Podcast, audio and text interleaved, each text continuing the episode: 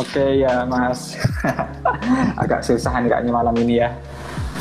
Iya, sorry banget ya Mas ya. Ya. Uh, ini Masnya lagi di mana Mas? Ini kebetulan saya masih di kampus Mas. Oh masih di kampus. Walah. Ya ya ya. Mahasiswa tingkat akhir ya Mas. Iya. Iya. Jadi uh, tadi terakhir bahas apa ya? Bahas tentang bagaimana meningkatkan motivasinya. Motivasi. Uh, terus ya. mulai dari mencintai bukunya gitu ya.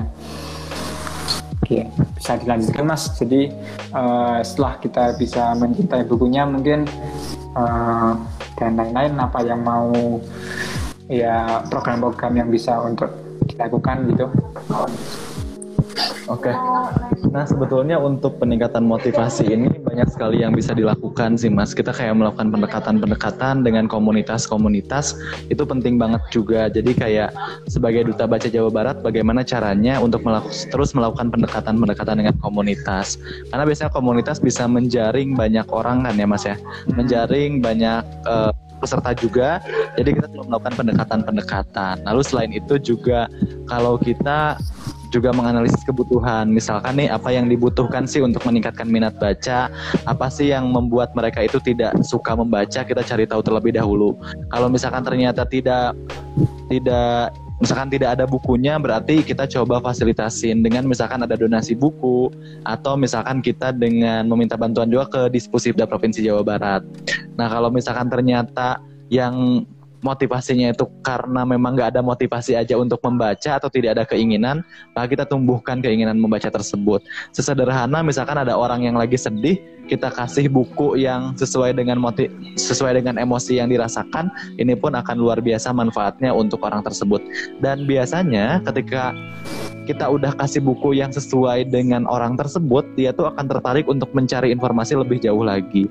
Misalkan kalau ada orang yang suka fokus is fokus membacanya tuh fokus membaca hal politik, dikasih satu buku tuh ketika udah selesai nggak akan cukup, dia akan mencari buku-buku yang selanjutnya. Jadi itu merupakan suatu upaya untuk meningkatkan minat membaca. Lalu juga untuk program-program yang udah dijalankan, selalu kita coba advokasikan. Misalkan sekarang itu minat bacanya lebih suka online dibandingkan dengan offline kayak gitu. Jadi di masa online seperti ini kita coba bikin juga perpustakaan digital di mana teman-teman di sini umum bisa mengakses buku-buku digital secara online. Jadi bisa dengan mudah membaca dengan gawai kita masing-masing aja kita bisa dengan mudah untuk membaca buku di mana pun dan juga kapan pun.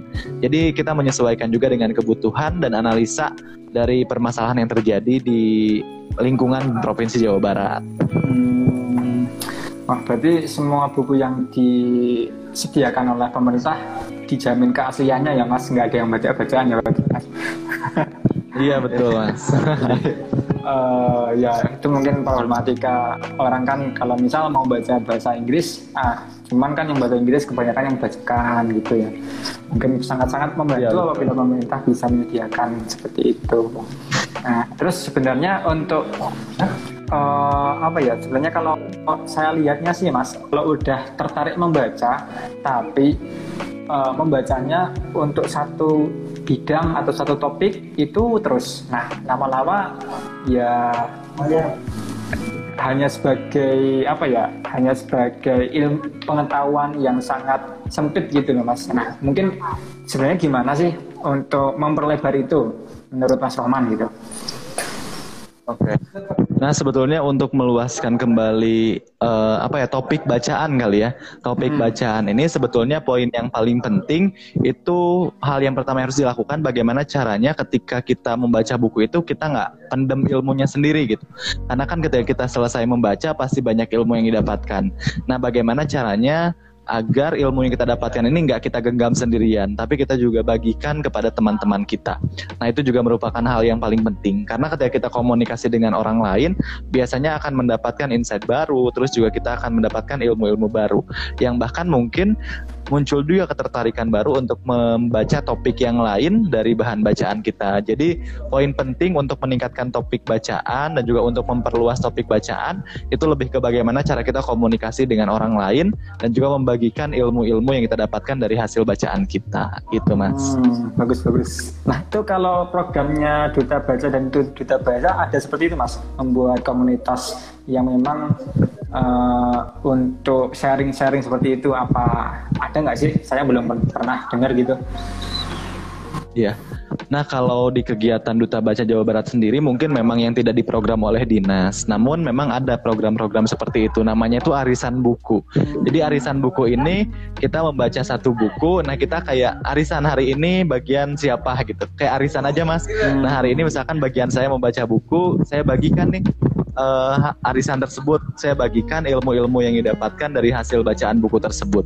Nah, jadi lebih ke hal-hal seperti itu yang kita lakukan. Program-program yang memang dijalankan secara individual, bekerja sama dengan komunitas-komunitas. Jadi bukan program-program yang tertera di dinas gitu, Mas. Hmm. Oh, berarti dari inisiatif masing-masing orangnya ya, Mas? Hmm. Betul. Jadi kadang kita juga sesama duta baca gitu kan duta baca di provinsi Jawa Barat ini tidak hanya satu orang. Jadi kayak kita gagas bareng-bareng untuk bikin arisan buku seperti itu, Mas.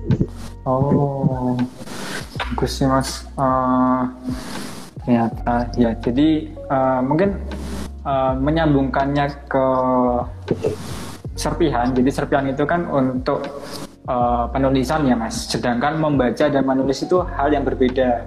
Orang yang mm, banyak membaca belum tentu bisa menulis, sedangkan orang yang menulis harus banyak membaca.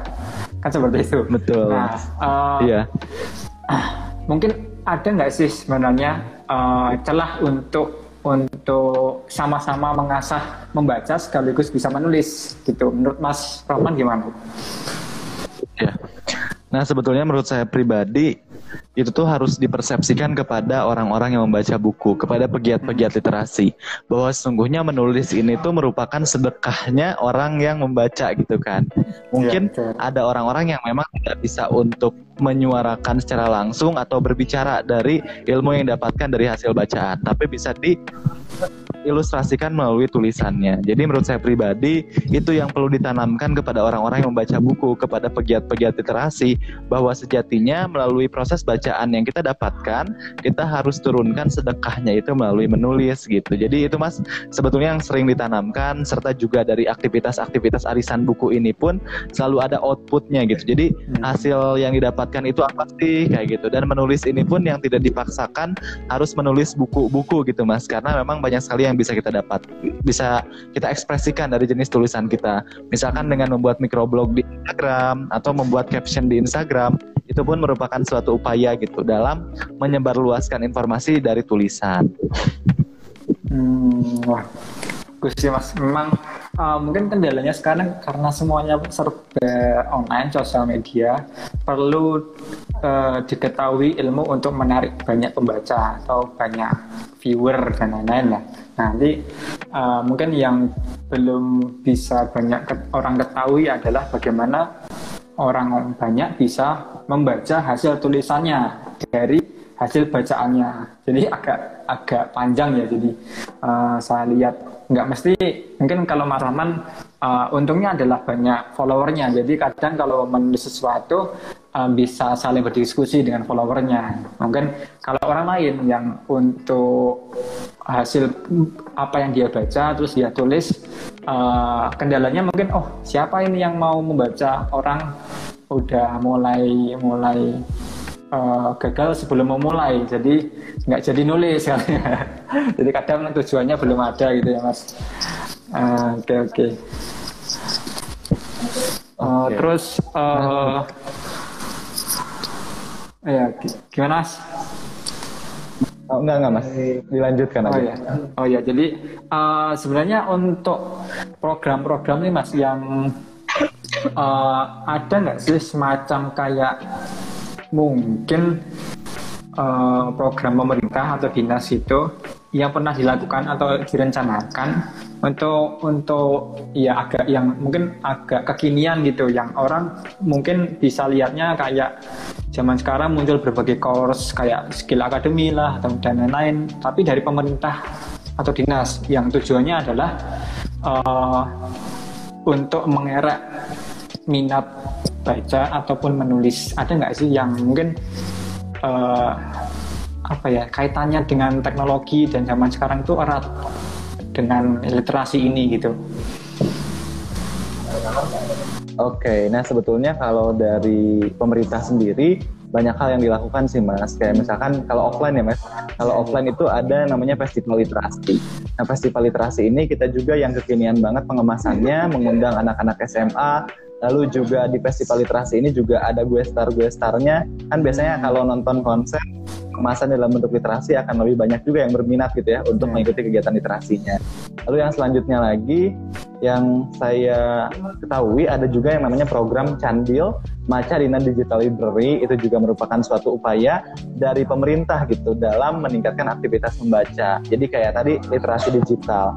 Lalu yang selanjutnya lagi ada yang namanya itu uh, makan jengkol. Jadi ini tuh kerjasama antara Grab dan juga Disposida Provinsi Jawa Barat. Hmm. Jadi kalau yang mau minjam buku itu bisa tuh menggunakan aplikasi Grab. Jadi oh. banyak sekali kolaborasi yang telah dijalankan dari pemerintah khususnya Disposida Provinsi Jawa Barat untuk meningkatkan minat bacanya. Dimulai dari assessment yang tadi saya telah sebutkan dan juga tadi program-programnya.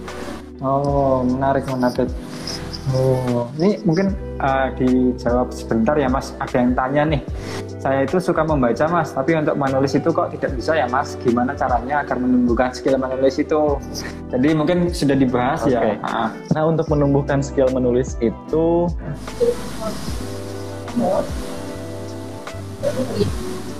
Ya, untuk menumbuhkan skill menulis itu sebetulnya banyak hal yang bisa dilakukan. Jadi hal yang pertama banget yang harus dilakukan untuk orang yang mau nulis adalah kita menulis perasaan kita setiap harinya. Istilahnya bikin diary gitu.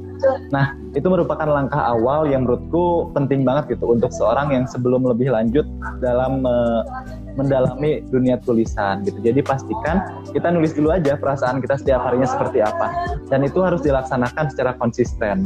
Jadi kita harus konsisten dulu nih setiap harinya menulis perasaan kita. Jadi dimulai dari itu dulu, nanti lama-kelamaan juga kita akan terbiasa dengan penggunaan diksi-diksi katanya. Lalu selanjutnya lagi uh, bisa lebih mendalami lagi nih dalam skill menulisnya. Jadi pastikan langkah awal itu dilakukan terlebih dahulu. Karena banyak orang yang langsung terjun ke dunia kepenulisan itu langsung terjun yang benar-benar yang level susahnya gitu ya bikin artikel, bikin esai, bikin cerpen.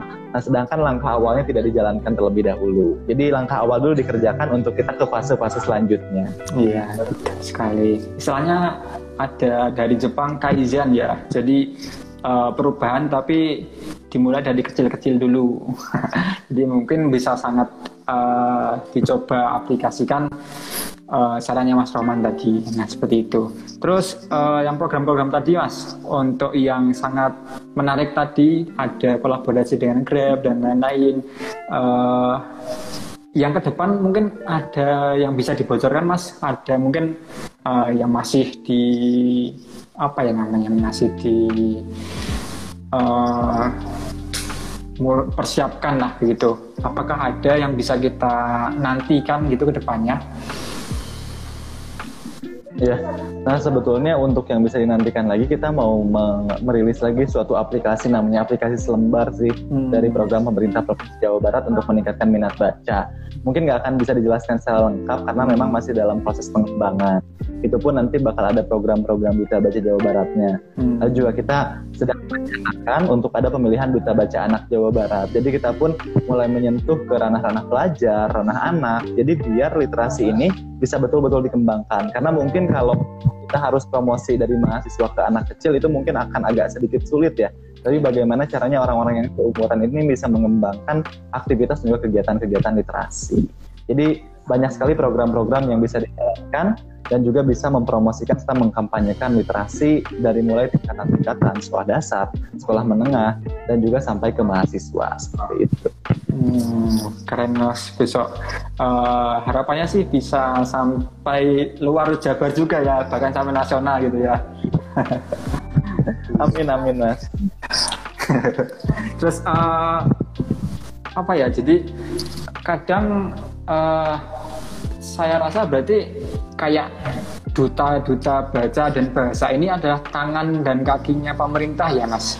Berarti uh, secara secara uh, apa ya untuk para duta ini diserahkan kepada mereka pertama untuk meningkatkan minat baca, literasi dan lain-lain, tapi diberi juga uh, kayak mandat untuk bebas bagaimana cara melakukannya gitu ya mas.